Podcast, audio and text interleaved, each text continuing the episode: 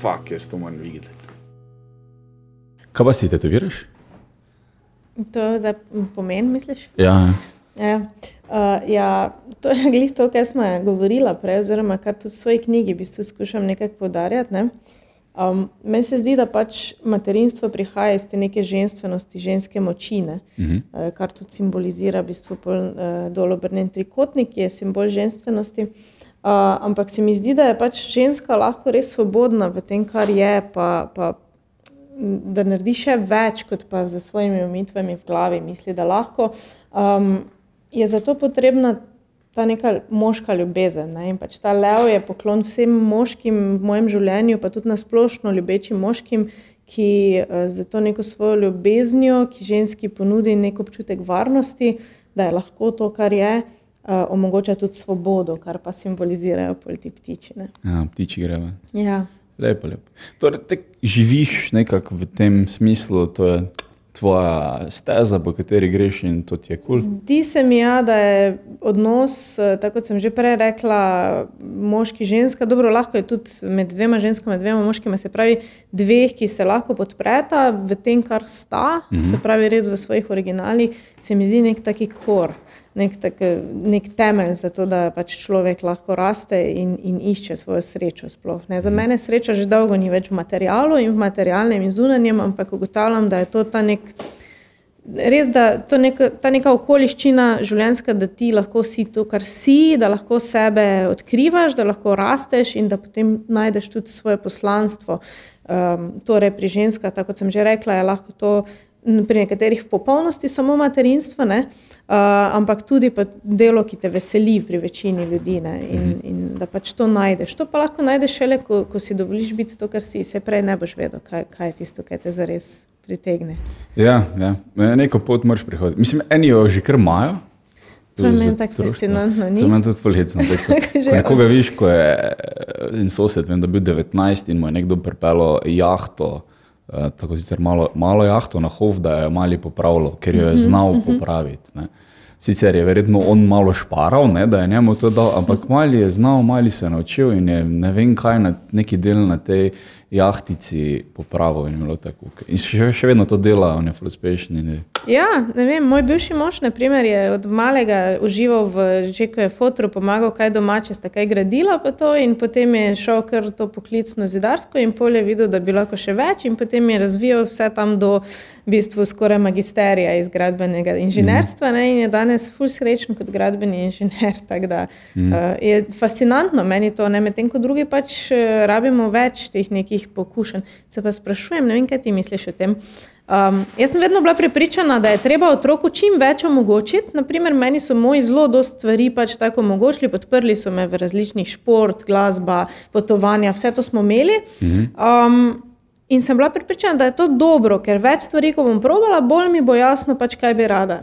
Medtem ko recimo, naprimer, moj bivši mož pa ni imel vseh teh izbir, je imel pač ta eno, eno pot in Ja. Veš, kaj mislim? Ja, Jaz sem kaj bolj zmedena, ja. Ja. ker je preveč stvari v mojem življenju, se mogoče ne vem. Ja, na japonskem je bila ta kultura, da, da, da, da si to, kar je tvoj fotor. Uh Mhm. -huh. In uh, se iz roda v rod to prenaša, in oni niso imeli uh, pubertetne krize, kaj bi bili. Ja, ja. Ker mu ni bilo logično, da bi lahko karkoli druga bil. pomislili. Ja. Ja, in smo si pomislili, in je bilo tako, ok, se zdaj razvijamo tem. In potem je videl, ne vem, Frods, pri, ko se začne razvijati, tudi ko gleda ven svet, kako to zgleda. Ok, moj fotor je kuhar, ne, imamo doma gostilno in zdaj. Ok, pol se je on odločil. Jaz, mislim, bo, bil je vedel, da bo kuhar, Ja, ampak ja. pol se je on odločil, ali bo isti kuhar, kot je fotor, ali bo malo drugače delo, ali kako bi se dalo več zaslužiti, kako bi se dalo lažje delati, kako bi se dalo ne vem kaj. To je bila samo ne- njegova odločitev, je bila v tej stezi. Ja, na noter. kak način bo to speljal? In je imel uh, določeno, za eni so verjetno trpeli, ker pač veš, avtizem, disleksija, to so vse mm. stvari, ki so dejansko um, Prisotne. nekaj imele. Uh -huh. Nekaj dobrega imele v evoluciji. Uh -huh, uh -huh. pač tisti, ki so bili avtisti, ne, so se na eno stvar osredoto- osredotočili in so dejansko pač vedeli ne, neke druge stvari. Ja, Zato je ja. potem človeštvo napredovalo, ker če si imel v plemenu enega, ki je pač drugače razmišljal, uh -huh. si se v tej, v tej smeri si svoje pleme lahko razvijal. Ne. Če je bil tam en avtist, pa ni mogel tega poklica uporabljati. Mislim, eh, ni mogel se uresničiti skozi to, kjer je bil najmočnejši. Ja, ja, ja, ne vem. Šla ne vem. Mimo, Lej, uh, mogoče, ja, mogoče. Mislim, da pač časi so se fully spremenili.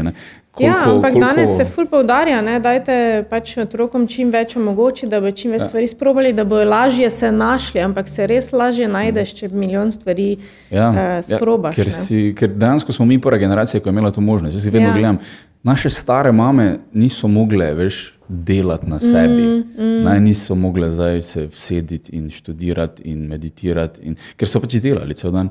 Ja. Po drugi strani spet isto, kot sem prej rekel, ne, ne rabiš svoje travme preboleti, ker je tako lepo. Takrat mm -hmm. niti nisi mogel. Ja, ja, ja. Pač, veš, v Afriki si vedel, da imaš. Ja, pa ni bilo vseeno, je bilo, ker je bilo ja. treba tisti narediti, ker je voda tekla v bajto, ker nisi strehe popravil. Ja, Mogoče si narediti. Ja. Tako v, Avstri, v, Avstri, v Afriki um, še vedno nekako, tam se tudi dogajajo grozne stvari. Mm -hmm. Pustimo lahko to in to vse, ampak na individualni ravni še vedno koga posilijo. Mm -hmm. Ampak tam je treba iti po vodo. In ni izgovorov, in moraš Tako. to dati nekako prek, moraš preboleti, moraš reči, moraš sprejeti. Moraš iti naprej. Ja. Moraš iti naprej, moraš sprejeti, kar v Sloveniji ne rabiš. Mm, mm. Ker si lahko, vedno boš dobil v kelnariji šiht in boš točno to žrtev, in je vse narobe, šef je fukjen, sodelavci so nesposobni, stranke so uh, brezobrazne.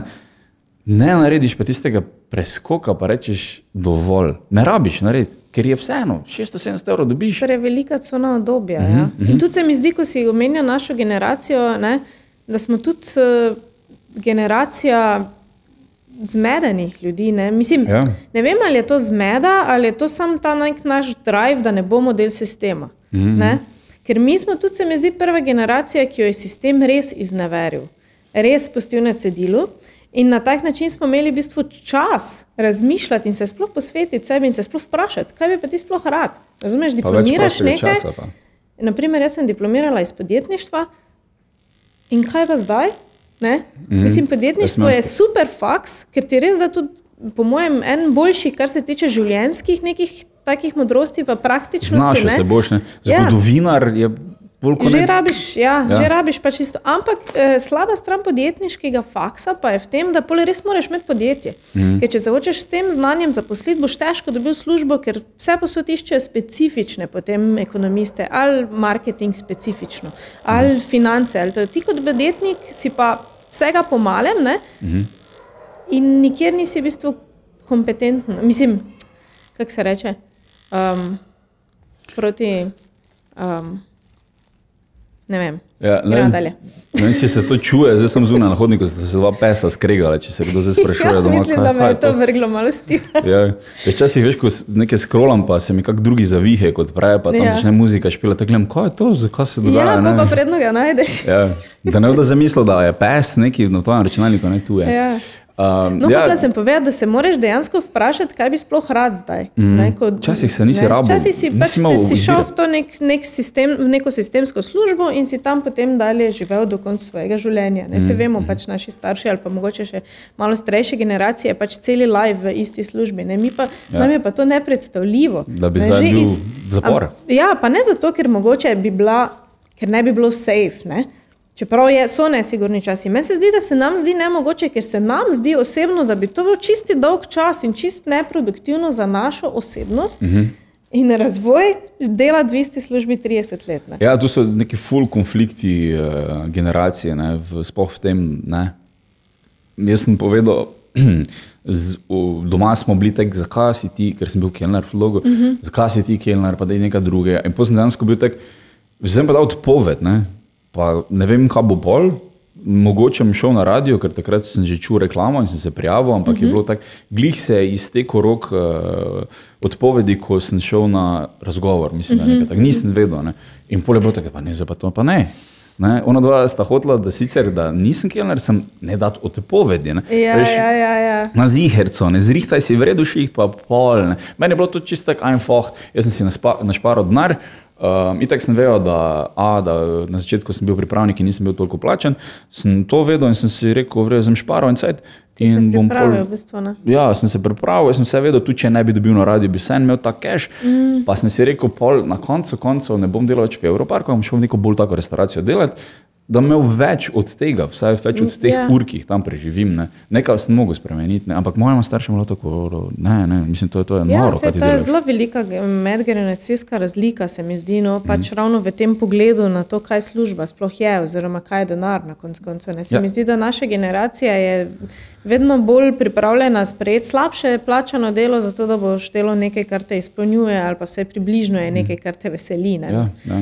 Medtem ko na, generacije naših staršev ali pa starejše so pa tudi sranje od šefov pripravljene prenašati 30 dolgo, let, tak? zelo dolgo izkos. Proči še rak, rak, rak, rak. Tako, tako. Projete, ja. ja, ja.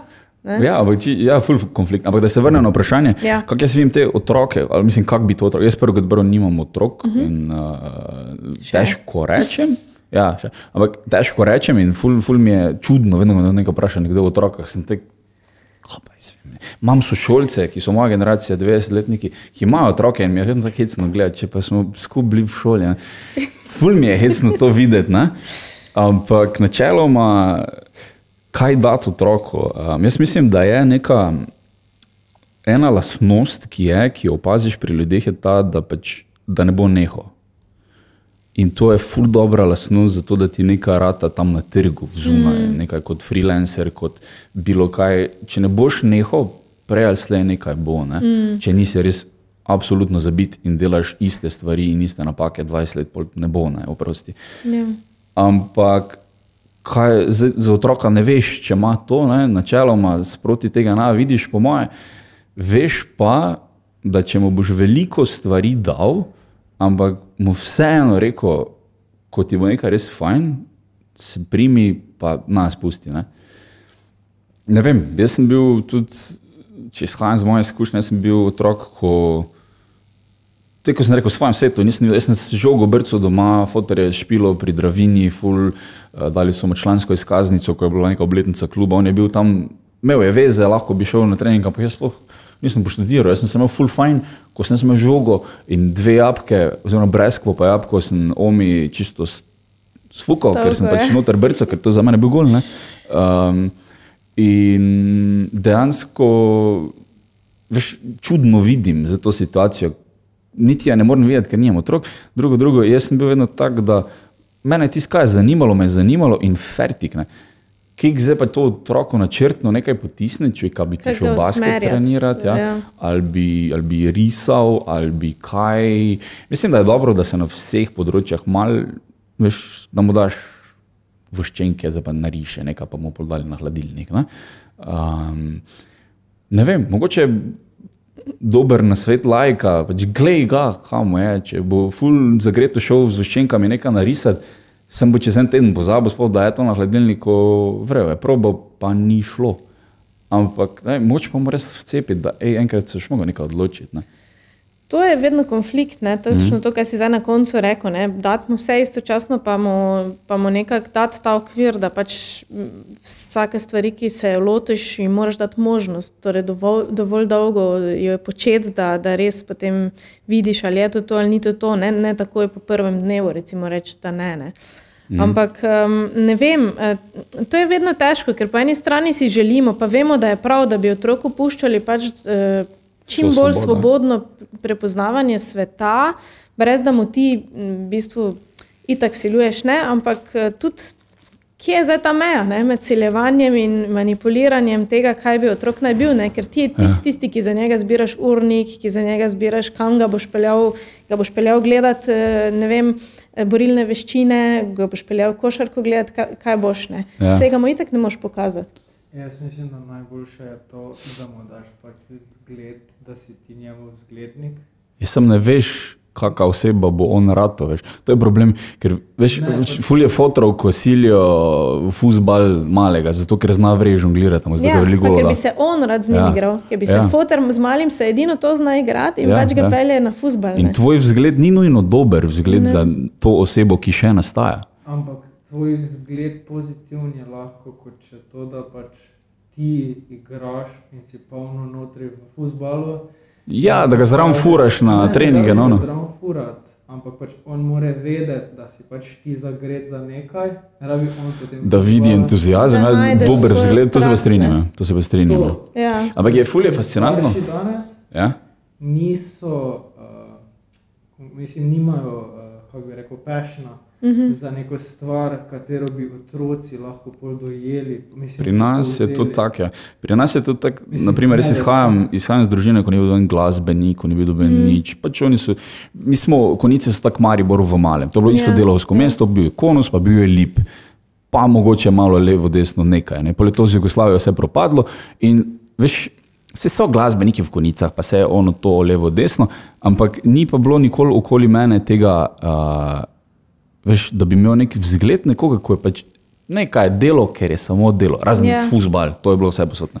Fusbal je bil, ampak to je, to je spet neka struktura, to je prva liga, druga liga, dravinja, mla- mladince, kadete, starejše dečke, mlajše dečke. Ja, ja. Ni pa ono, da bi šel pač špilat trobento. Mm -hmm, tega pa ni bilo, ne, tega jaz nikoli nisem razumel, nikoli nisem niti vrej se spoznal s tem in je bilo pač drugače.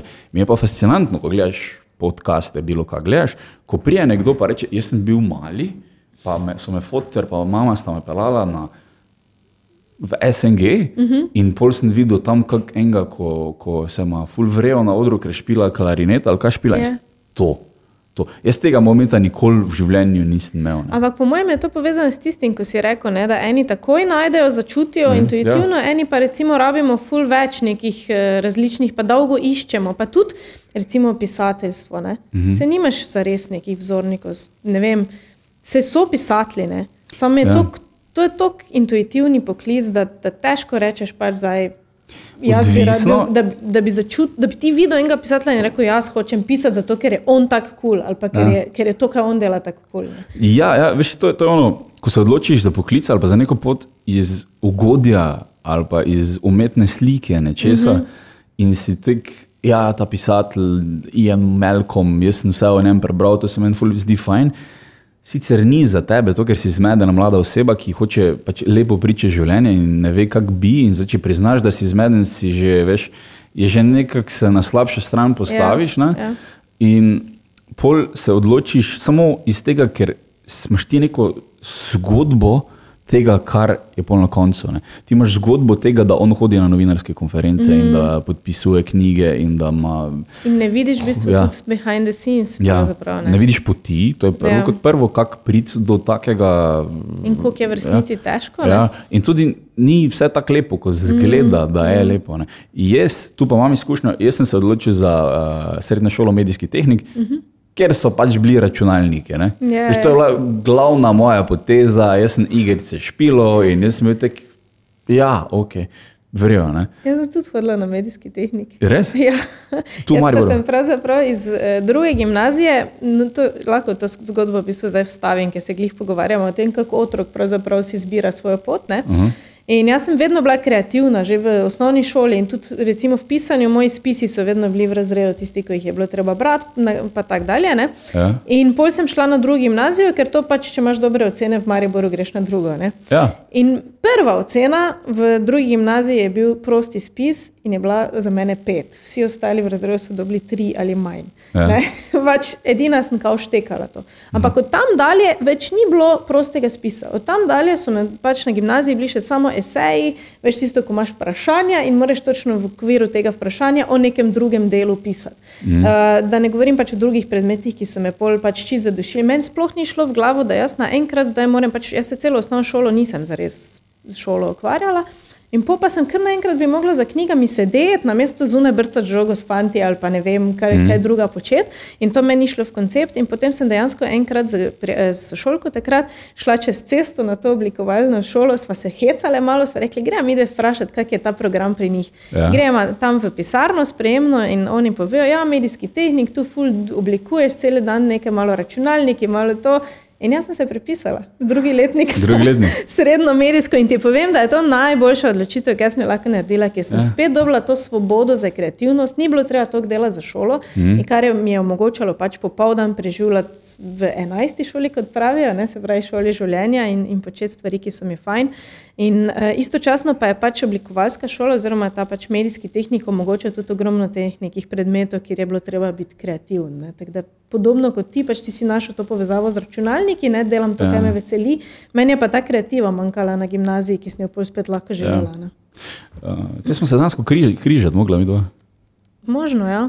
Ja, sem, Ti si samo dve leti v bistvu mlajši. Ne? ja, tako da smo se Tako da. mogli križati, sem se nas spomnil. Jaz sem torej bila četrti, ko si ti. Ko sem se že prepisal. Uh -huh. Jaz sem se bolj prepisal v štore na isti program, A ja, so bili neki problemi z avtobusom. smo pa se v bistvu glih zgrešili, po mojem. Okay. Ti si se v drugem letniku prepisala. Ne? Ja, v drugi letnik. Torej, gospod, ti tretji letnik, sem bil prvi letnik. Ne? Te smo se še mogli križati. Ja. Ja. Uh, ja, spet je tako, spet se bom vrnil nazaj, ampak dejansko ta struktura, ki se je rekla v gimnaziji, je ful, mislim, do neke mere je pomembna. Ne, mm. ne smete uvirati, ne smete dušiti. Čeprav to je proces, ko se svet spremenja in zajebeš, in včasih je preveč nečesa, včasih je premalo Ja, nečesa. ja. Ampak ta struktura je tudi ful pomembna. No. Poznam pa ljudi, ne, zato to govorim, ki pač so vse posod ne, in malo tega, malo onega, in ni strukture. In prav vidiš, da se odločijo za nekaj in ti govorijo, ja, zdaj sem se jaz odločil in zdaj sem se jaz odločil in zdaj sem se jaz odločil, ampak ni šablone, ni temeljev. Dejansko, ko bi to stalo, gar, pa bi bilo tako. Ti si se odločil, zdaj pa si zgradil si, ne, podlago, na kateri boš stal za to odločitev. Ja, ja. Ker pol, vedno prije en težek moment, mm. vedno prije in takrat ta struktura pomaga. ne. Ja, in če nimaš trdnih temeljev, se hitro zrušijo stvari. Mm -hmm. tudi, ne. in to je ta vztrajnost in ta eh, problem v bistvu časa, ne, ker, ker si ne vzamemo dovolj časa. Ne. V starih mm -hmm. časih so vedeli, ne, pač, ne vem, mleko se tako pa tako dolgo kisa. Mm, ja. Grozdje tako pa tako dolgo zori. Ne. In uh, kar pa mi hočemo danes, je pa instant stvari. Ne. In se mi zdi, da pol tudi, ko se lotiš nekih projektov, hočeš, da, ja, mislim, jaz imam tudi ta problem, ne. hočeš, da ker, ker jutri rata. Ne. Mm. In bolj, ko ne si celi paničen in bolj si takoj na tistem, mogoče pa to ni to, kar bi jaz mogla delati. ne. Ja. In tu je ta moment, veš, ko govoriš, ne, ko ne smeš spustiti. Ja. To je še prehitro. Če se ne vsaj desetkrat vprašaš, če je to tisto, kar res moram delati, si prezgodaj odnehal, se mi zdi. Mm. No. Ja, in tudi ne vi, procesa ne vidiš, ne moraš mu zaupati. Tako. Um, to je en, en Mi, to pa je spet napotek. težko, ne, ker hočemo vse oprijemljivo, pa vse pač materialno. nekako. Ja, naši racionalni možgani študirajo tako, če imaš večji kup, te je boljše. Ne? Ja. Čeprav veliko krat v nekih eh, kreativnih poklicih ali sploh v nekem freelancerstvu, v nekem, ko si na prostem trgu, dolgo, dolgo ni. Ne? Je čista nesigurnost in to je nekaj, kar recimo. To tudi, ko sem jaz, na primer, imela pogovor z Tadejem Tošem, ne, on je to tako dobro izpostavil, da je ko je enkrat njegova, njegova dva sta oba dva delata pač v medicini. To je zelo varen posel, recimo temu, ne, zelo ziger stvar. On pride in se odloči, jaz bom pa igralec, jaz bom pa pač delal nekaj čist. Mm. In njega foto recimo ne potlači, smisel, ne, da ne moreš, ne moreš nekaj bolj ziger, ampak mu samo pove, dobro, ampak zapomni si, da boš celo življenje, vedno, ko boš stopil na oder, mogel se dokazovati znova in znova. In da nikoli ne bo to nek ziger posel, ki, ki, kjer ja. greš službo zjutraj in, in zvečer priješ domov in dobiš na koncu ja. meseca plačo. Ne. A viš, to je njegov foto razumel. Ne? Ja. To je njegov foto razumel in mu je dal fullover nas napotek In za to je ta naprej. podpora starševstva, o kateri ja. si me prej spraševal. Ne? Se pravi, provati res razumeti, kaj si otrok želi in mu dati potem neke te življenjske nasvete. Realnost, ne, Torej, on ne on se zaveda. To je dobro, to je slabo, sam, okay, če se bo šlo do te tvegane poti, se zavedaj, da bo pač skozi borba. Da, ne. da, da, eh, vse izboljša, ampak je nevrence. Ja, Pač ved, vedno je nekaj. In to moraš sprejeti. Jaz še vedno nisem tega sprejela. V bistvu. Hočem biti freelancer, hočem v bistvu pisati knjige, kar je itak ni za to neki biznis, ne, sploh če si samo na slovenski trg vezan. Um, hočem recimo tudi delati neke pogovore, pa, pa mogoče tudi neke delavnice, coaching tudi za pare, naprimer. ampak to je skos nesigurno. Ne. Mm, In to je nekaj, kar moram jaz sprejeti. To ni zdaj vprašanje, ali je to to, kar jaz hočem delati, ali je to pravo ali ni pravo. Vprašanje je samo, ali jaz lahko prenesem, da bo to vedno nesigurno. točno tako je. Ne. Dejansko, ja, sploh pa Slovenija, ki je mali trg in bla, bla, bla, to se skozi poudarja. Da se živeti od stvari. ne. Mislim, Ja. Deset let nazaj, ali pa sedem let nazaj, smo, sem bil full v mrežih bendov. Mm. Uh, ful sem se združil s Folkom, ki je imel bende tu v Mariboru in se jim je nekaj ratovalo, prišli so na val 202, ono levo, desno. Vsi so bili, ne da se v Sloveniji živeti, tudi mi dva ena tega živijo. Ker en od mi dva dela v skladišču, uh -huh, uh -huh. pa ima to poleg. Ne. Ja, ja, ja. Sam vse da, ne. vse da z nekimi takimi stvarmi. Um, jaz ful mislim, da on to dela, da ne bi rabo tam delati. No. Lahko bi šel verjetno kitaro učiti, pa pač bi dosti lepše, lepše skozi prišel iz mojega vidika, verjetno ne pač v skladišču fajn delati. To sem fulž dosti krat že čula, da, da ljudje pač delajo v skladiščih in jim je fajn. Ker je očitno veš ta nek meditativni red. Je. Ja, red. Pospravljanje, ne? pospravljanje v bistvu ful sprošča, sam se ne ja. zavedamo tega. Ne? Jaz ne vem, tudi o tem še delam. Da bi imel skladišče, kamor bi bil sam, ja. pa pač bi res sam delal in tudi ko bi bil dopust, pač skladišča ne bi bilo. Ne? Mm, mm. Ker pol vedno lahko daš stvar tja, kot tebi paše, da ti mm. ne boš vedno najdel. Tako. tako imam jaz sobo, naprimer, če imam sicer kaotično vse, pa vsega je preveč. Ampak točno veš, kje je. Jaz vem, kje je. Ja. To je moj red. In po mojem je točno to, da v skladišču delaš, imaš red. Albert Einstein je delal na uradu za patente. Mm -hmm. Brezvezno delo, o katerem je lahko razmišljal. Tako da, ja, marsikdo dela v skladišču. Pa... Ja, mislim, da je to tudi, eh, se mi zdi, da, da je to nekaj podobnega, kot naprimer, ko se sproščamo skozi neke športe. To, ne? uh mhm. -huh. Se pravi, kjer lahko ti v bistvu izklopiš malo tisto vpetost v vsakodnevno dogajanje in borbo za preživetje in eh, prepire uh mhm. -huh. samim sabo, ali bom ali ne bom, ali je to to ali ni to to. Ne?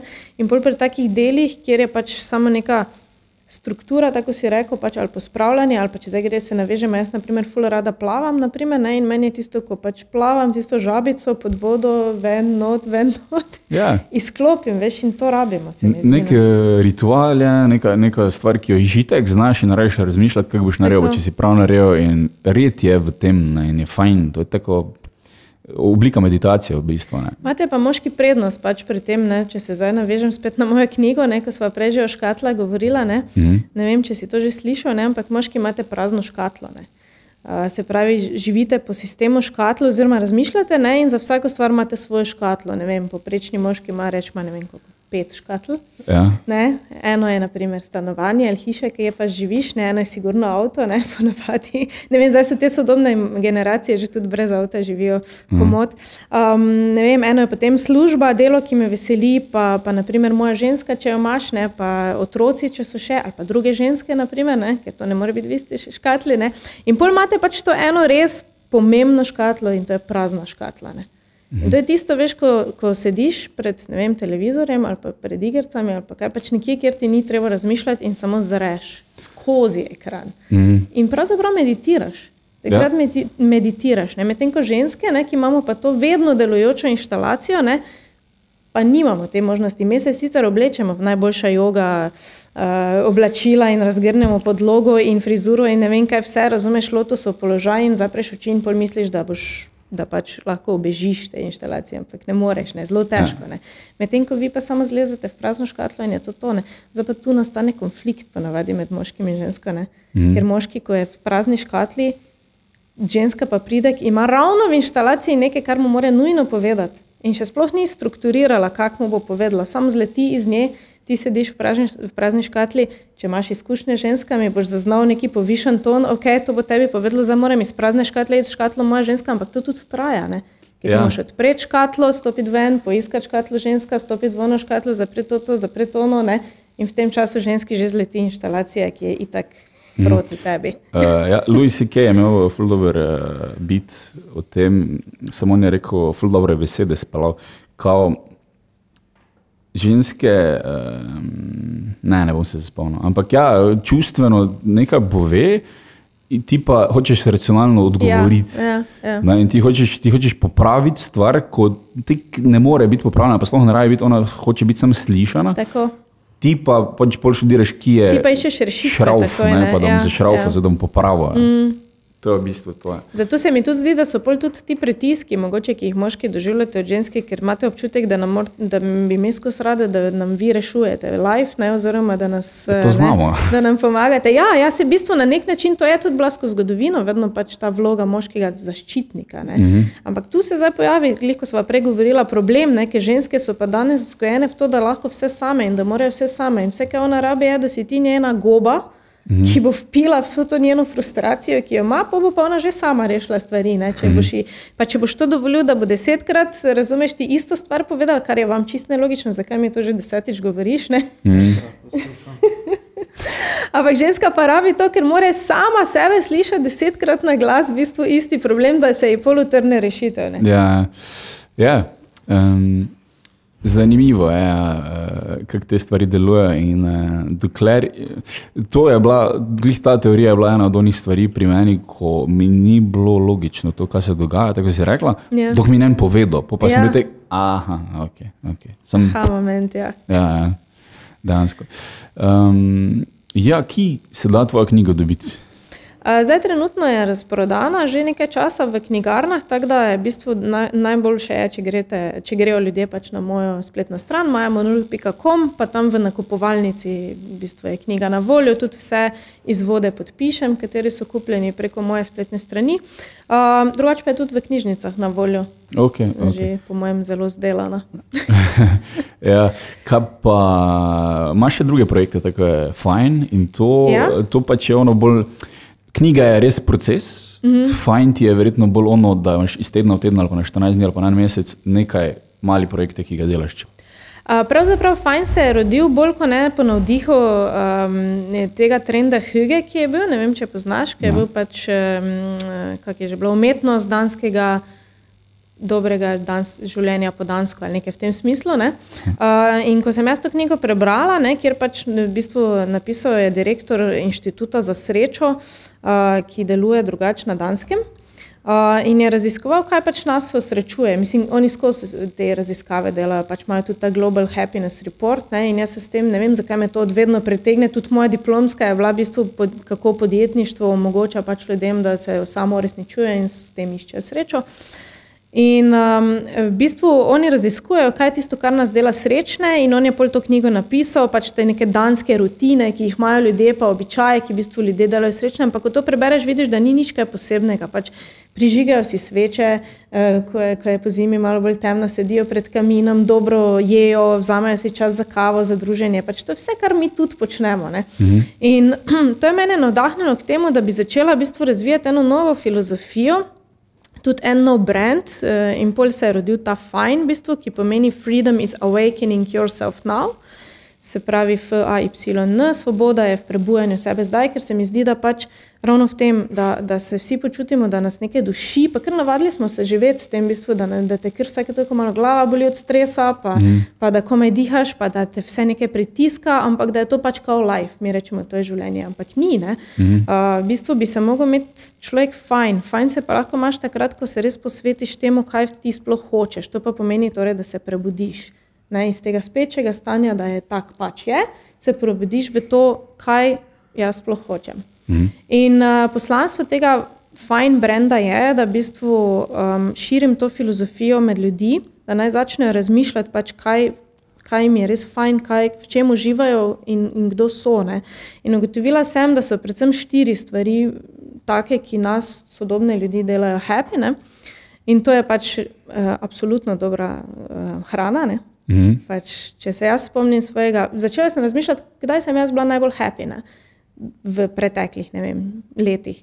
In najbolj happy momenti so vedno za neko mizo, kjer je dobra hrana, dobra pijača in fajn ljudje, ki jih imam rada in, in pogovori o življenju. Če pa še je dobra glasba v zadju, je pa še toliko boljše. Ne? In ja. točno to je v bistvu fajn. Ne? Se pravi, dobra hrana, dobra glasba, uh, storytelling oziroma pogovori o življenju, pa, pa pač neka inspiracija. Ne?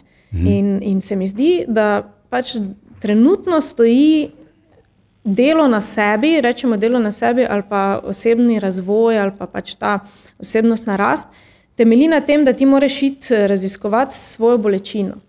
In da moraš iti do, do, do zadnjega safarja in tam se vrš v bistvu čist na podn in potem zrastne. Mm. Jaz pa zagovarjam novo teorijo oziroma filozofijo in sicer, da ti moraš skozi užitke v življenju, take pristne užitke, raziskovati v bistvu sebe in svojo srečo in priti do tega, kaj od tu naprej lahko tebe osrečuje. Ja, to je v bistvu podobno kot logoterapija.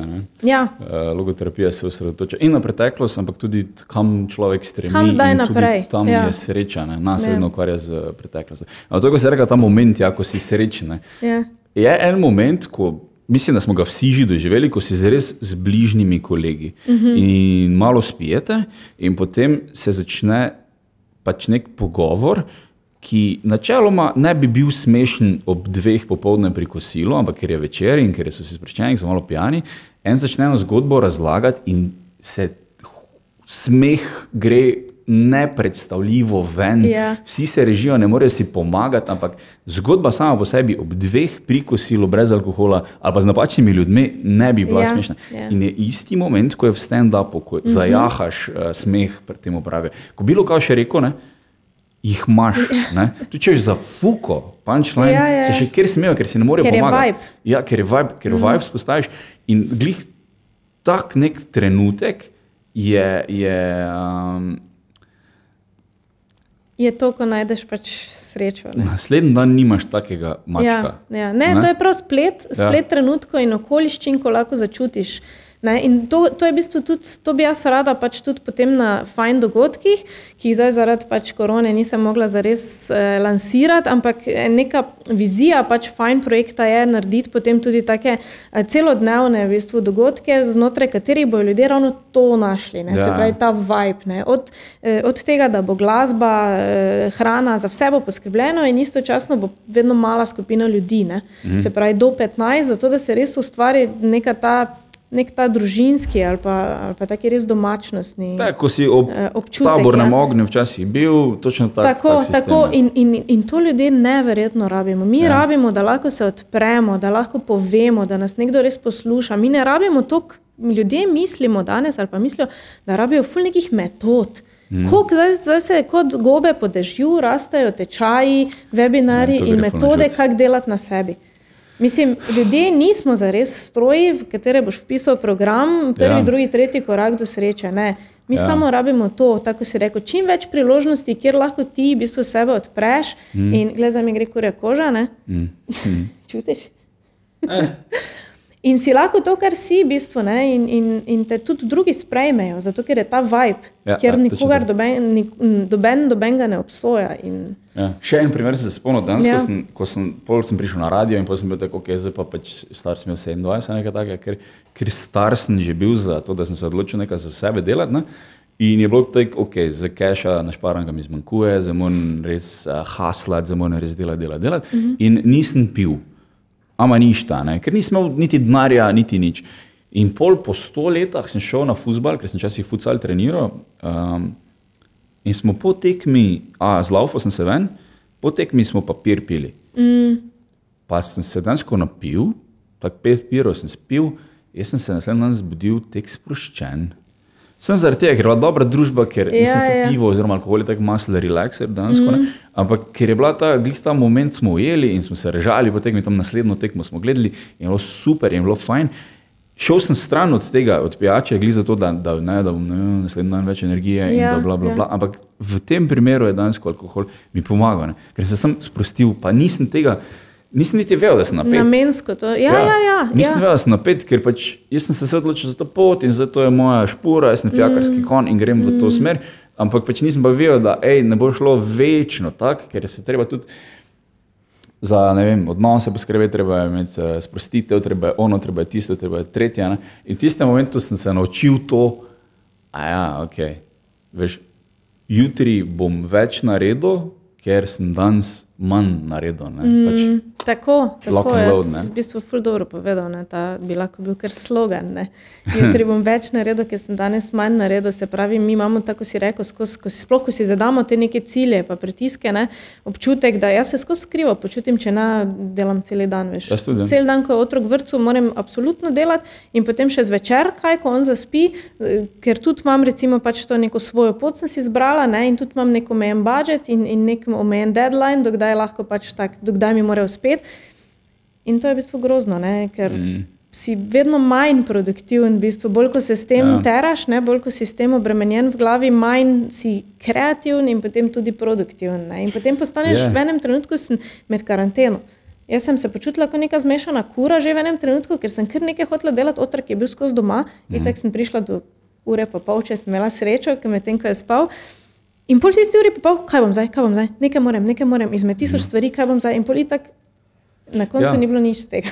Je, je grozno, ampak to, um, kot rečejo eh, zen ljudje, to se moraš spustiti, sprejeti. In, uh, jaz skozi sem poslušal ljudi, ko sem še delal tako v, veš, v industrijskih obratih, so rekli, da se pol greš domov. zakaj ja. bi se zdaj kregal samim seboj ali pa šefom, če grem pa domov, tako je vseeno. Ja, ja. In malo čudno se moče čuje, ampak tako je vseeno, ker enkrat bomo umrli. Mm. Da, načeloma, če se imaš ta, na tej svoji poti fajn, ne, zakaj ne? Zakaj, zakaj bi se sekiral, pa, ja, pa pizda, pa zdaj pa je to propadlo, pa ta nastop so mi odpovedali. Dejstvo pa, je, da se ful preveč ja. sekiramo ja. za nepomembne stvari. Stopijo pa tu noter motivatori mhm. -huh. kot negativne karike. Ne? So tudi pozitivne, se ne rečem, ampak ti motivatori so nekako so oni uspeli. Ne? Tih motivatorjev je bilo vem, na svetu 100 tisoč, zdaj jih dejansko poznamo 30, naprimer, mm, ne, ki, so, mm. ki so res, ne, ki vsi poznajo. Ja. Ja, se to je vedno tako, tudi bendov je, veš koliko pa na poslušaš. Če kdo posluša v enem mesecu 50 različnih bendov, je ker fan muzike. Že, ja, ja. Ampak vedno smo tu, ful smo selektivni kot uh, ljudje in veš, tudi tetovirati se ne greš vsakemu. Ja, pač ja. En ti paš, en ti napaš, enemu zaupaš, enemu na zaupaš. Vedno smo ful selektivni. In tudi pri motivatorjih je tako. Ampak tudi najboljši so izhajali le iz svoje izkušnje. On te na vidi, on te, na, on te nikoli še ni videl, ja. on ne ve, kaj je tvoj problem. Ti ne veš, kaj je tvoj problem, mm. da mu niti povedati ne moreš. Ja, ne? Ne. In on ti zdaj reče yoga. In pol ti yoga, ok, in si narediš vsak dan yoga zjutraj pred službo, da imaš full energije in pol je placebo efekt. Uh, ja, zdaj en teden je full super, jaz imam toliko energije, jaz imam toliko energije. Po pa ni več čez en mesec, ampak ti si mislil, ok, zdaj sem na to štengo stopil in zdaj bo večno tako. Mm, mm. Če bi te ta motivator, ne vem, Tony Robbins ali pa kdo bi te yeah. Ja. videl in bi mu ti dal zelo veliko denarja, da te vidi, da te, mm. ne, ti reče, hej, to več ne deluje. Če bi te videl, bi ti lahko svetoval, hej, vidiš, ne, ne yeah. Ja. joga ne učinkuje več tek. Ne, ni to glavni problem, naprej išči. Ampak Tako. on tega ne vidi. Ja. Ti si videl video, ki je zaston na mm. YouTubu in si rekel, to je moja rešitev, naprimer yoga. In ti greš zdaj s tem v življenje in pol, te, ko sem rekel, čez mesec ali pa čez eno leto, ni več tak. Ampak se moraš delati, da je tako, ker si vsem na šihtu povedal, da je zdaj yoga. To, to je pa ti. Si se ja. v, v družbeni zapor zaprl, ker zdaj je tvoje življenje super. In je samo vprašanje, ja. kako dolgo si, si pripravljen v bistvu lagati. In mislim, da se marsikdo tu not ujame v to neko delam na sebi, uh, kupuje knjige, kupuje seminarije in to učinkuje nekaj časa, in potem pozabiš. Ne? In na koncu je bolj nesrečen, kot je bil pred začetkom. Zaradi ne? motivatorja. Ja. To, je, to je en fenomen, fenomen, ko se je v zadnjem času zgodil, tek res deset let nazaj se je to verjetno začelo. Mm uh, vsaj množično. In je ful, ful, ful fascinantno, da te lahko, kako se lahko zapreš nekam tja noter. Ne? Mm. In zdaj moraš ti temu slediti, ker zdaj si rekel, zdaj vsem povejo. Tako oni, ko, ko govorijo, da je zemlja ravna. Ja. Pač, zdaj, če si to rekel, pa si rekel na YouTubu, ko so to vsi videli, zdaj nam reči, a ja, pardon, ni, ne, zdaj sem ugotovil. Veš. Ne, ti moraš do konca s tem, do konca življenja, ti si poročen s tem. In ločitve ni tako mm, včasih. Mm. In ti sam greš, in sam greš, in zdaj ti delaš na sebi, in ti pa crkne. In to je lahko zelo, zelo um, nevarno, v bistvu, ja. tudi prepričanje, ker marsikoga to dejansko dobesedno ubije. Ne? Dobesedno ja. pride, do, do, pride do samomora, zato ker so ljudje v bistvu se tako dolgo sami sebi lagali in niso imeli podpora. In kar je problem, mm. jaz pač sem tudi coach. Ne? In problem tega coachinga, ki se ki raste kot eh, gove po dežju, je ravno to, ko praviš, da se preveč uh, hoče to delati na na količinsko, na maso, mhm. in potem je avtomatsko treba iti na, na online. In mislim, meni osebno se zdi to grozno, da pač eh, prodajajo neke stvari online, ker coaching je lahko samo ena na ena. Pač to je tako kot mm. fitness trenerstvo. Se ti lahko greš na YouTube, naprimer en trening, naprimer kako delati, pač, ampak ta moment, ko boš ti v bistvu prišel do prve krize, zaradi tega, ker še ne boš čist povezan s tem, kar hočeš delati, ne, je moment, ko rabiš zraven pol tega coacha ja, oziroma ja, trenerja, ki ti reče. Ja, in uh, spet smo pri tem, ne, da pač ljudje hočejo vse instant in, in, in pač pol tudi hitro, ker nimajo časa razmišljati, hitro padajo v neke teorije, metode. Ne. Zelo, zelo popularno, naprimer, je zdaj NLP ne, hmm. in to se vse posod, vse poprek dela. Ne, pač in, in, ne vem, Meni se zdi problem v tem, da, da koči in terapeuti, dobro, te, tu je treba ločiti, pač ne, koči so dosti manj omejeni z tem nekimi certifikati, ki jih rabijo in ne, kao, če lahko pač tudi nekdo čist intuitivno, naprimer, ne, mm. in je lahko tudi zelo dober. In, uh, ampak problem je v tem, ali prevzema odgovornost ali ne za to, kar predaja človeku. Zdaj, če jaz ja. grem pa na odru, pa naredim delavnico z 50 ljudmi, pa vsem isto metodo predam, ne, pa jih pol pustim, zapajte domov, pa delajte, če pa kdo rabi pomoč, pa ne pride na individualno, ne, ni kul. Cool, Nisi iskren. Ja. Ker če 50 ljudi, uh, moraš reči selektivno, ej, ne bo vam vsem rad. Jaz sem bil na, uh, kaj je bil, bil je full to istorije delo kot uh, grafik. Uh, mm -hmm. Mislim, pač to je bil en človek, fucking cela, uh, polna kinošiška je bila zaradi njegovega predavanja. Ne, ja, šla s kolegom. Ja. Gremo not, uh, sosedema in on razlaga, kak je njegova pot in pač, pač hecni je bil in bla bla bla. In polje razlaga tudi jaz sedem let nazaj, kdaj sem začel neke coachinge hoditi, to, uh, kako govoriti na odru, mm. da bil, bil je fully, se nam je želil in potem je to premagal in bla bla bla, v glavnem, je se to povedal, na koncu pa rekel, hej, ne bo vam vsem ratalo. Mm. Danes vas je tu, ne vem koliko, nas je bilo 300. Čez eno, danes ste se že verjetno vsi odločili, pa ste dobili za inspiracijo in zdaj boste vi naredili igrico in ne vem kaj. Čez eno leto, če sta dva od vas, kot ta dansko nekaj naredila, je to veliko. Bo zelo dober rating. Ja. To je bila prva stvar, ko smo na arhitekturi to bili. Ja. Uvod v arhitekturo je rekel, dva od vas, ne, 25. Ja bo ta delala, mislim, bo ta bo ta, bo ta dansko arhitekta. To, ampak to je ful pošteno in ful, mm. ampak ker priješ iz otroštva, ker ti si amazing, ti si super, ti si vse in ti to profesor reče. Ja. Jaz se spomnim te pogovore, mm. ker uh, moj bivši pravno hodila in, sem, in jim tudi profesor Rond prišel in rekel, pač za vas je toliko, uh, le pričakujte, da bo 70% v naslednjem letniku, pa pol se bo še nižalo to število. Ja, ja, ja. Ni ful pošteno, ker to je statistika. Ja. Uh, ena stvar, ko je govori Ben Shapiro, ko sicer ni najbolj diht, je facts don't care about your feelings. Pač mm. Tek je, le, in če ti to en pove, to če si ti užaljen, je vseeno res. Vseeno je res. Ja, pač, lej, ne, moreš, ja. ne moreš pomagati. Vseeno je. Ja. In bili smo pa vzgojeni v to, da pač da smo vsi amazing. Pol, veš, te, Naša generacija je izjemna. Ja, ja. Ko ti nekaj propade, si čez zrušen. Ti zruši, danes ti zruši vso, ja. vso sliko o tebi. In pol, ko ti propade sedmič, osmič, nehaš, ne? pogreš kelnarijo.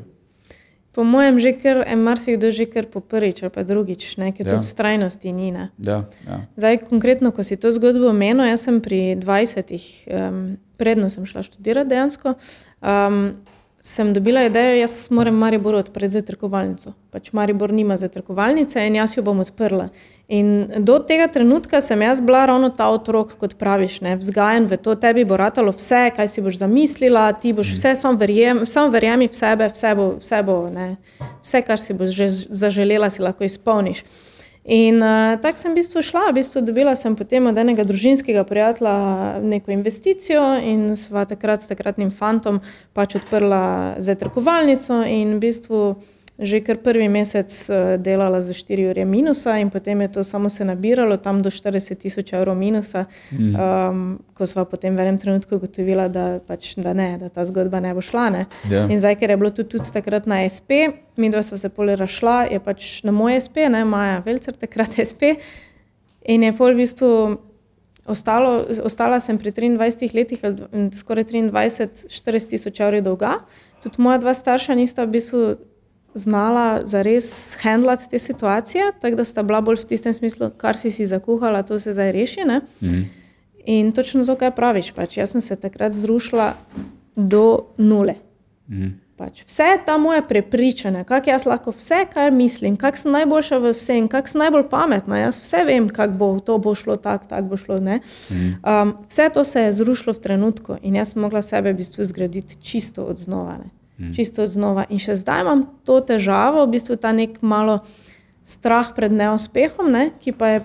Ki pa je, je pogosto razlog, da, da ljudje več ne poskusijo ponovno. Ne, da... ja, ampak to je zdravo, da ga imaš. Mislim, tudi, če ti vse rata, ja. pa če si misliš, pol, ja, se bo vse ratalo. Sam veš, ko je težko potem najti to neko uh, energijo za novi projekt, da, da, ja, da, da greš naprej. To, to sem se še ja. Jaz sem skozi v fajtu, skozi se ja. fajtam sama s sabo.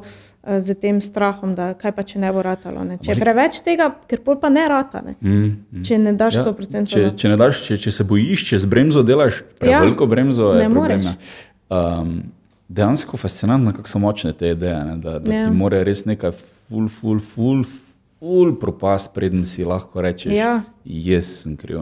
Ja, ja. Jaz sem kriv. Jaz imam podobno zgodbo, sicer mm -hmm. ne 40 ur minusa, ne, ampak uh, dejansko je bilo sem, jaz sem se vedno govoril, jaz sem najbolj pameten, jaz, mm. jaz vse vem, jaz vse znam, jaz, jaz, jaz bi lahko delal bilo kaj.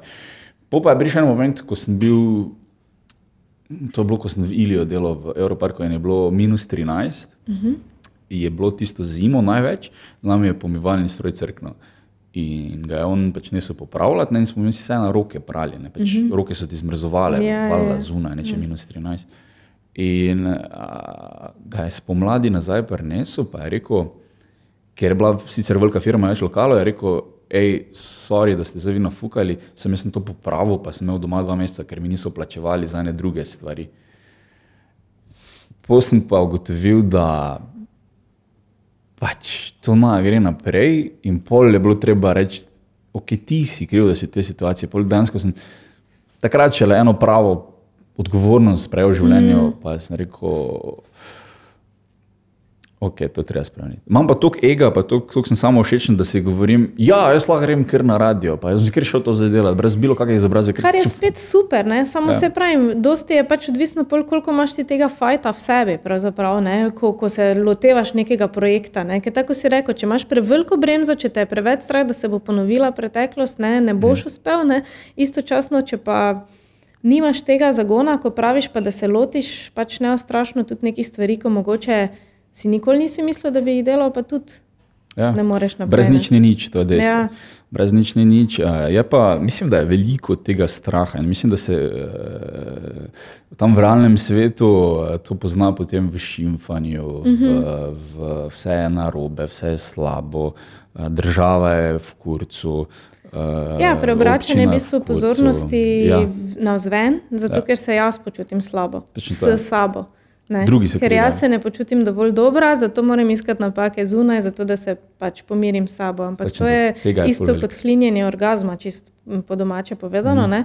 Um, ženska, ki pač na dolgi rok dolgo hlini orgazem, v bistvu sebi jemlje stran užitek. Ja, ja. Uh, fascinantne zadeve. Ja. V bistvu tudi sploh tu v Mariboru tega ful velik, da je vse slabo, da greš v grad, pa je obljubljena država, vsi te borokah nosijo, greš v Ljubljano, tam je kul, cool.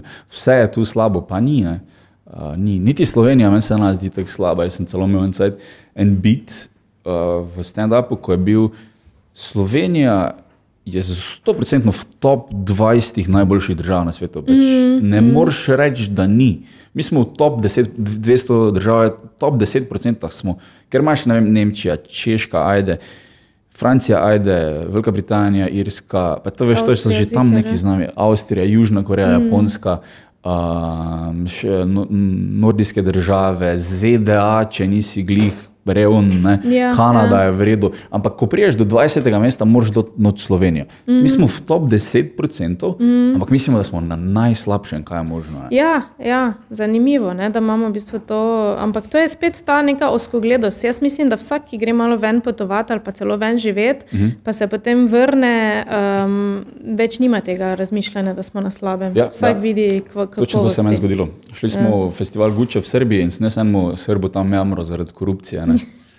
Pa vidi, ej, veš, to pa ti ne bom pustil, da veš, te reko, ne, ker ja. mi imamo pa res korupcijo, veš. Ampak pač naša država je šla, jaz to ful gledam tak iz vidika, kot da bi šel en posameznik nekam. Mm. In vsi so nam govorili, vi ste druga Švica, vi ste super, ja. vi niste tako Balkanci, vi ste srednja Evropa, ne, vi ste se zarešili tega, mm. ne. In to je bilo vse super, prav, vi ste pošteni, pridni, delovni, vi ste produktivni.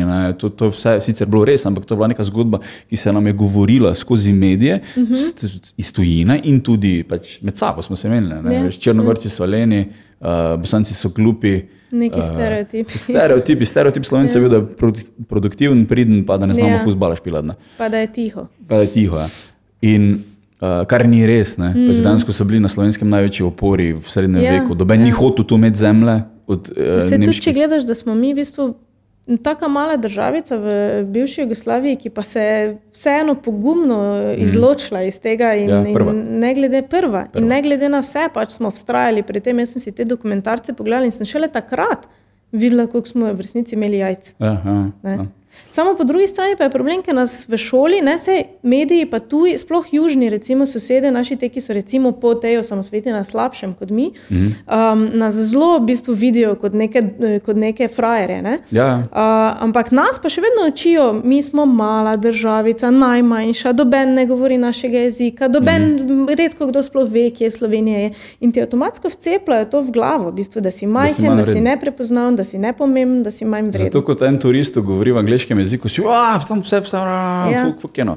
Ampak kaj je moj point, je to, da pole prišla kriza 2008, ker se je razblinil mit o poštenem, pridnem mm, slovencu. Mm. Ker smo takrat videli najslabše stvari iz tega korumpi, skorumpiranega juga, smo mi pobrali. Tako. Se pravi, vsi Tako. so kradli, niso vsi kradli. Tole dejansko ne vem koliko ljudi, ampak, Ampak pri so, številu, ja. ki, malem, ki Ja, ja, ga ja, imamo, je ja. zelo veliko ljudi. Ko je prišlo enkrat ven, jaz se spomnim, da sem, sem bil 18 let star, da sem mm. že v bistvu froc.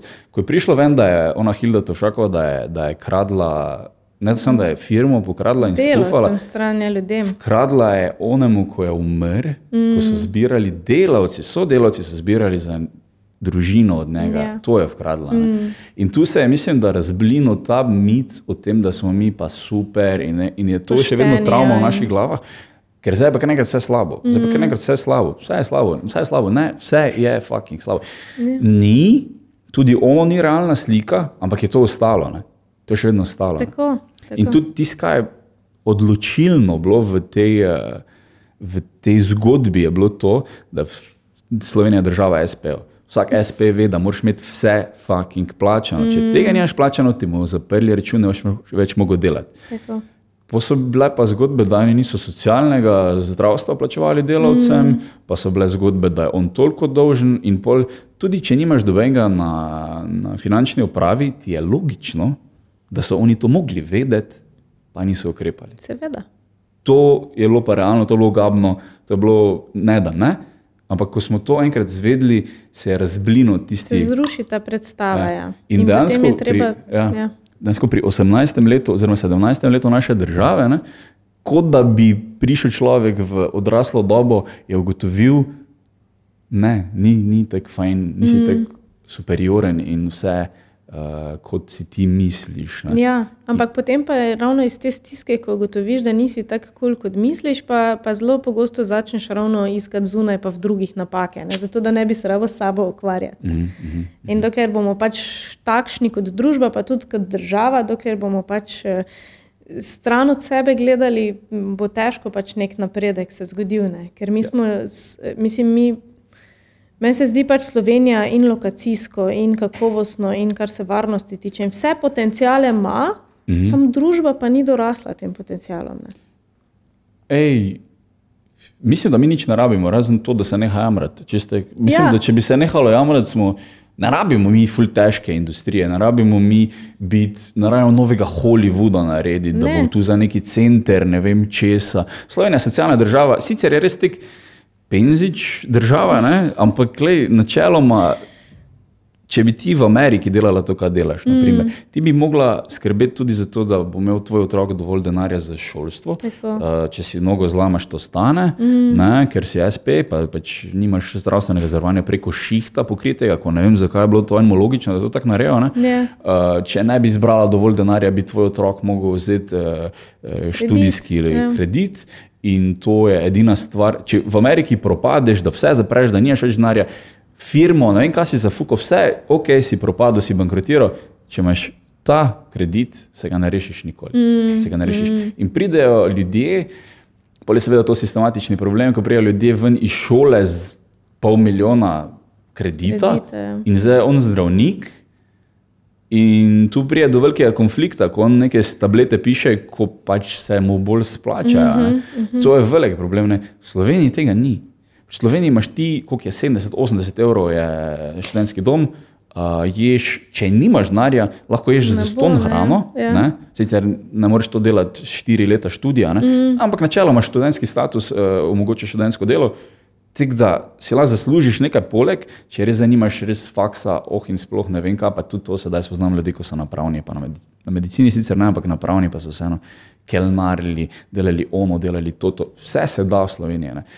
Tudi če imaš ti najbolj, um, bi rekel, težko situacijo, finančno težko situacijo doma, komod lahko študiraš. Ne, lahko se znajdeš, ja, imaš to, imaš pač te ful možnosti, res mm. pač. Ne. Ja. Tudi, kar se tiče duševnega zdravja, pri nas lahko na napotnico dobiš uh, psihoterapeuta. Mm. Ni mm. tako lahko, čekalne dobe so ful dolge. Uh, mi je pravila ena kolegica, da je bila, mislim, da je eno leto čakala. Ne.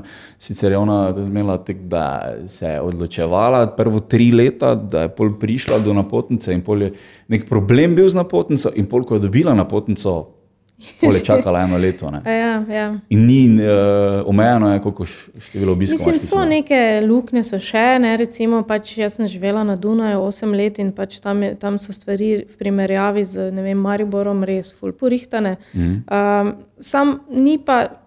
Ni pa spet tiste neke, sploh za enega slovenca, ni svobode. Mar si kdo misli, pač eh, Dunaj je zdaj sansko mesto, je, ne vem koliko krat že bilo zbrano pač za najboljše mesto za živeti. Mm -hmm. Ampak tudi tam se jaz nisem mogla uresničiti kot slovenska pisateljica, kot nekdo, ki pač dela vse v svojem maternem jeziku.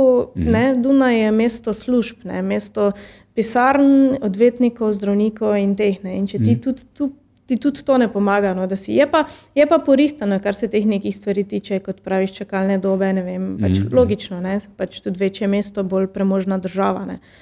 Um, Tako da, ja, mislim, definitivno je, se v Sloveniji da narediti zgodbo. Um, ampak tako si rekel, pač treba se znebiti uh, najprej tega privzgojenega jamranja ja. in občutka, da smo manj vredni ali pa da smo nepomembni. Ne? Jaz mislim, da koliko jaz opažam v Mariboru, pa da se, se pravim, se sem iz mesta, ki je v bistvu mali Maribor, podobno delovske družine, tudi jaz sem iz delovske družine, meni je tu fajn. Kljub vsemu temu jamranju, vsemu temu mm. ne da se, ne da se, ne da se, je tu meni čisto vredi kak boljši občutek bi še bil nasploh, če ne bi jamrali. Ne? Ja. Če se še tega znebimo kot družba, bo še dansko boljše tu živeti. Ne? In, ne vem, tudi en mit je, v Mariboru se nič ne dogaja. V Mariboru se toliko dogaja. Se da dogaja. Delam, se ja. dogaja tudi tako dostopno ljudem. Ja, to je ja. spet ena primerjava z Dunajem. Pač, uh, Jaz tam ful nisem tok, na toliko stvari šla, kot recimo tu, ker tam vse stane. Ja, in ja. stane ful, tam pač za dva, recimo, eh, če hočeš iti ven, samo na plesni večer, naprimer, da greš, moraš plačati ne vem, stopnino, pa pijačo, pa ne vem, kaj vse, pa ti je, pa te stane to 60 evrov mm. na taki večer. Ne. Tukaj ja. pa imaš plesne večere, ne vem, zunaj, salso organizirane na trgu. Ja, na trgu. Ja, in, in kar se tega tiče, recimo, ful prednost, ki pa jo ljudje pač morajo videti. Mm. Je pa res, da to spet, ne, tako sem prej rekla, če greš tu in vidiš, koliko ti je doma lahko fajn. Ja, ja, če pa ne greš, pa si v tej sliki, da je pač to tako, kak je in tako, kak je, je slabo. Ja. Eh, lahko živiš v tem svetu in danes ta svet tako vidiš. Da, mm. pač nič ni, nič se ne dogaja, nič ni. Uh, vse dogodki so načeloma, men, tisti turning point, ko sem ugotovil, da se je nekaj v Mariboru dogajalo, banda Ferdamana, ki mm -hmm. je mhm. impro-ligaška um, skupina, napravim tebi, pravim vsem ostalim. Ampak, ja, ja, ja. Um, prišel sem v KGB in sem hotel iti pogledat in je bilo razprodano. Mm. In to je bil moment, ko je bila edino poštna za mene, kjer se je nekaj kao dogaja. Yeah. Ja. Se razprodane, okay, sicer KGB ni največji klub na svetu, ampak je razprodano, okay, to, to še nisem čutil, sploh mi ni bilo yeah. Ja. predstavljivo, jaz mislim, da me zabava, on na mm. karta. Ne. In um, ja, neke take zgodbe se odvijajo v nekakšni vlastni režiji, sicer moram povedati, da so nam ful prišli mediji zadnjem cajtu nasproti. In večer, in dostop, in Maribor Info, in Maribor 24, vsi objavljajo dejansko neke alternativne dogodke. Zdi, ja. Ja, veš, to ni ono, zdaj pa pridejo perica, pižama, pa brigant nastopa, to je že mm. kar dogodek. Ne? Ja, ja, že samo imena ja. so potem. Pa, ja, mislim, to je dogodek, to je nekaj ja. velikega, ne? ja. nekaj pride v mesto, ne? to bo zdaj napolnilo štuk. Naprimer, mm. Pri imenih, kot so, noče od mega žaliti, ampak Marko Žerjal, jaz, Blendor, uh, Tim Andrič, to doben ne pozna pa vseeno na tem naši mediji to ful objavljajo. No. Mislim, to mi je mm, fascinantno. No. Um, vse dogaja nek preporod, jaz ga vidim in čutim. In mislim, da izhaja iz te mlajše generacije, ki so neobremenjene. Ne. Ravno to. Generacija, ki je bila izneverjena od sistema in zdaj sedi doma in ima čas razmišljati o tem, kaj bi v resnici rada, in ima mm -hmm. tudi čas videti, kaj, je, kaj ni ok, kje je treba stvari spremeniti, kje je treba v bistvu stvari ponovno postaviti, in pač se dogajajo mm -hmm. spremembe s to generacijo, definitivno. In se mi zdi, da pač smo spet pri tem, da je pač moramo vsemu pustiti čas ja. svoj čas. In ko bo dovolj časa preteklo, se bo ta sprememba zgodila. Ja. Jaz sem eh, v pisarni, odkud imaš še veliko delo, ja, poznaš? Ja. Ja, tam sem veliko bil in sem se družil z eh, ljudmi, ki so ali pet let mlajši, ali pa celo deset let mlajši od mene. Ne. In vidiš, da so drugačni. Pač oni so tudi dosti bolj individualno uh, samozavestni. Um, Kako bi rekel, glih ta preskok je, veš, ko naš, naša generacija je bila dvakrat, trikrat na rata, fertik, svet je, mm, svet je kriv. Mm. Oni pa se dosti bolj sistematično lotevajo stvari in so drugačni. Ne. Mislim, se, če pogledaš ljudi, ko so stari zdaj 40, oni so živeli, pač, ki so živeli v tem svetu, malo so gledali zvečer televizijo.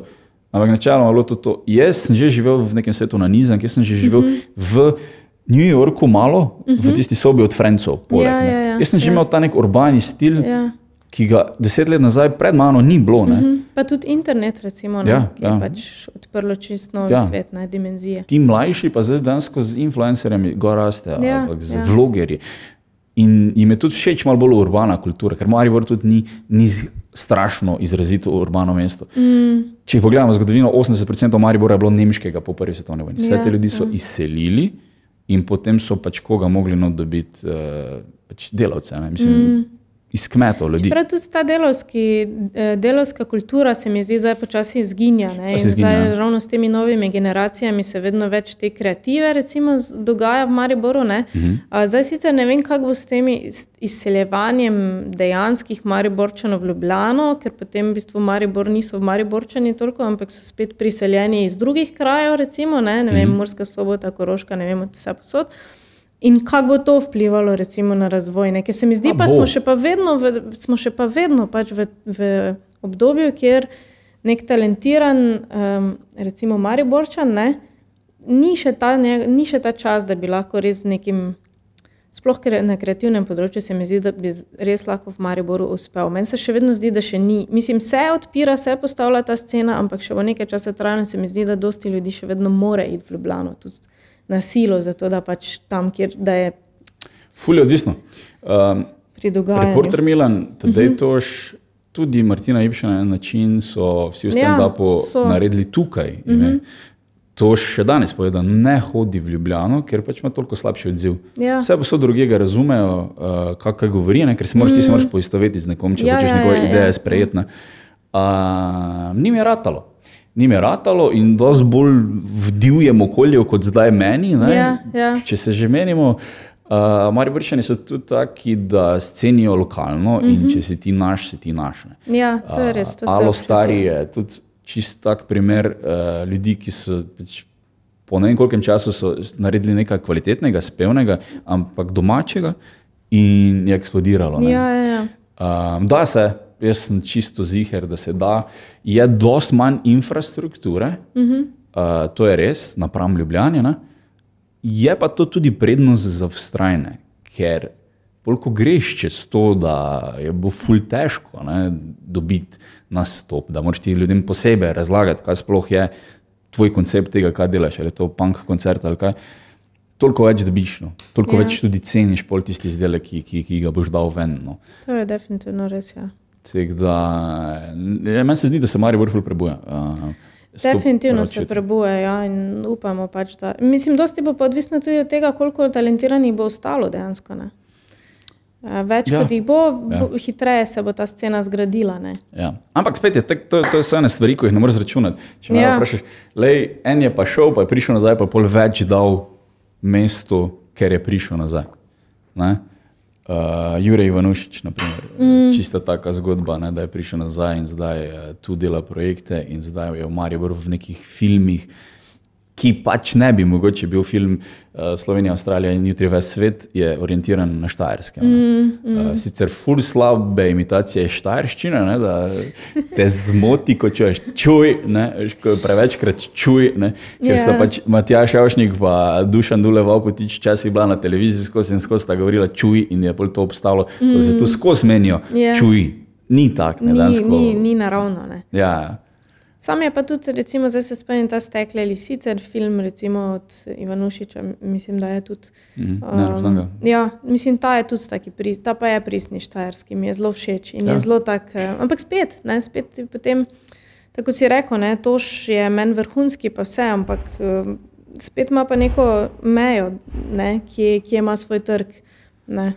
In... Mislim, da je ni, to še en od redkih ljudi, ko meni se zdi, da če ga postaviš tam le na ek poštne, v slabe pogoje, da bo nasmejal ljudi. To, to ja, ampak recimo si rekel, v Ljubljani pa nima tega odziva. Ne, Ni važno, ker imaš ker... 300, 300 uh, kulturnih domov v Sloveniji, ki imajo 300 sedežev ali več. Mm, mm. Če si ime, to je to, če pač plačeš enemu, ko ti bo naredil neki marketing, te levo, desno. Ne rečeš nič druga. Ja. Plus tega, da ima on produkt drugačen kot mi, on dela impro komedijo, ne impro komedijo, ampak uh, freestyle komedijo, freestyle, on temu, ja. temu pravi. In pač njegova predstava je vedno drugačna. Ja. In naše so načeloma bolj kot ne iste, ker imamo ta scenarij, on pa se res prepusti toku in gre, in časi pride nekaj čist ven X. Ne. On ja, sicer to je pač izjemno. Ja, izjemen. In glih on nima tega zaprtega trga. Ja. Veš, tudi Mari Borma 100 tažen ljudi, avtomigeci so zdaj že dve leti v pogonu, 70 ljudi, 80 ljudi je bilo največ.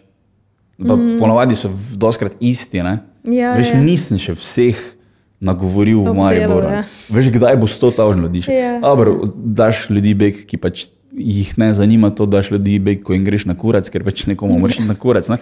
Daš ljudi beg, ki so pač še premladi, ki so dojenčki, ni sto tažnih, ampak se vedno, še vedno se da, še vedno je trg tam zunaj. No. Uh, tako da, zdaj, če nimaš loblane. Se da tudi, ja, sej. Um, zagotovo, mislim, pač v vsakem, na vsakem področju tudi lahko najdeš v bistvu nekaj, kar je potem lokalno ljudem tako všeč, da, ja, tako si rekel, ja. da te vzame za svojega.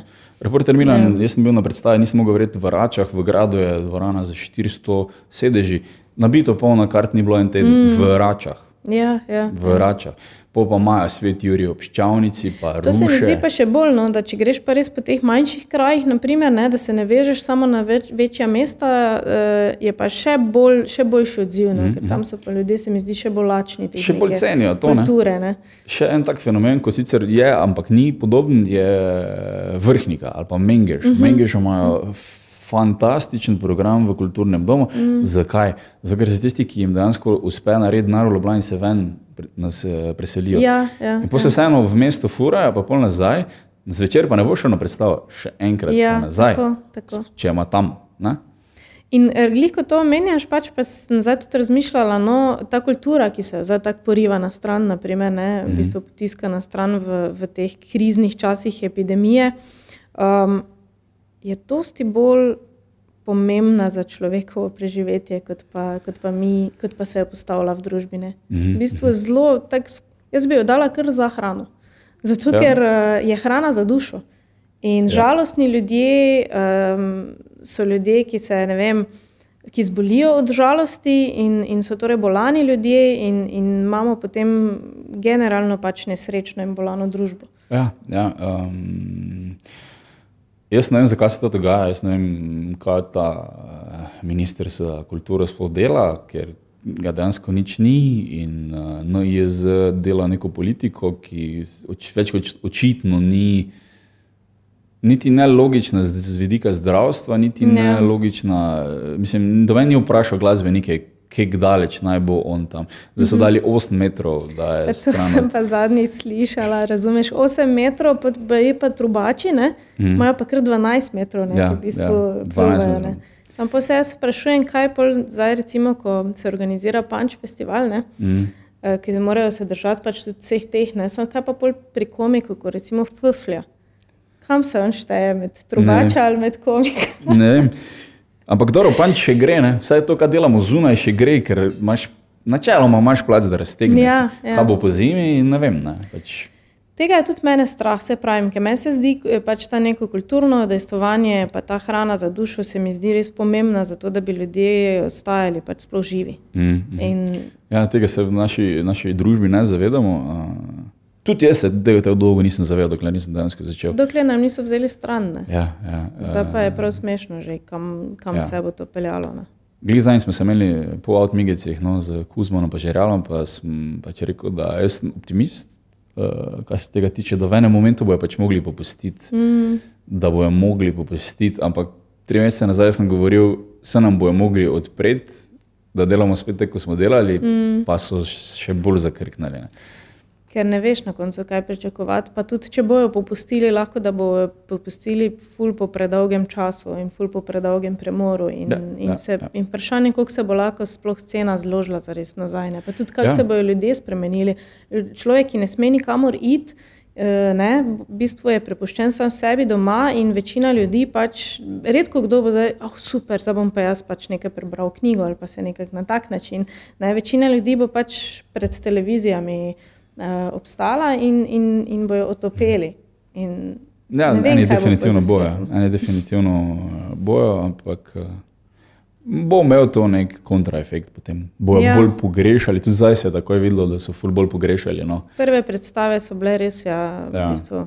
Omejene sicer, ampak ja, čudne. Ful čudne v naših glavah, ker je, ja. nisi v formu priješ. Ja, vse je ja. timing in vse to tega ne moreš doma, ne moreš s posnetkom vaditi timinga. Ker, uh, Tek je, da ko, glih, ko se oni še smejijo, takrat moraš naprej začeti govoriti, mm. da energijo ujameš in jo mečeš vedno više. Tako, da se vedno bolj smejiš. Tu pride ta feeling. Ne? Ja, ja. Pač ni, to, to je bila prav forma. Prav videlo se je, da ne znamo yeah. več tako vrejene. Ja. Um, ja, jaz sem optimist. No, no jaz tudi. Okay. Dobro, enkrat še lahko povemo, kje je tvoja knjiga, dobimo ne? na tvoji spletni strani. Ja knjiga na moji spletni strani, majamonrupi.com, uh, v nakupovalnici, uh, podpisan izvod, uh, če naročite preko moje spletne trgovine, ima deset poglavij um, in je zelo, zelo uh, po izkušnja. Pač do zdaj sem prodala tisoč knjig, tudi izven Maribora. um, in uh, pač ljudje so mi, so mi povedali, uh, tako moški kot ženske, da je full fajna, ker je tako enostavno napisana. Okay. Je pač moj res cilj bil, da, da, da ima bralec občutek, da sedi z mano na kavi in to je bil point. Ne. Super, super. Dobro. Mič, Maja, hvala ti. Hvala tebi in tebi. ja. Zelo prijetna moška družba in moj tatu je fertik. Ne? Poglej, sploh nisem nič rdeča. Boš dal sliko, polgar lahko. Ja, ja. Zmontiral.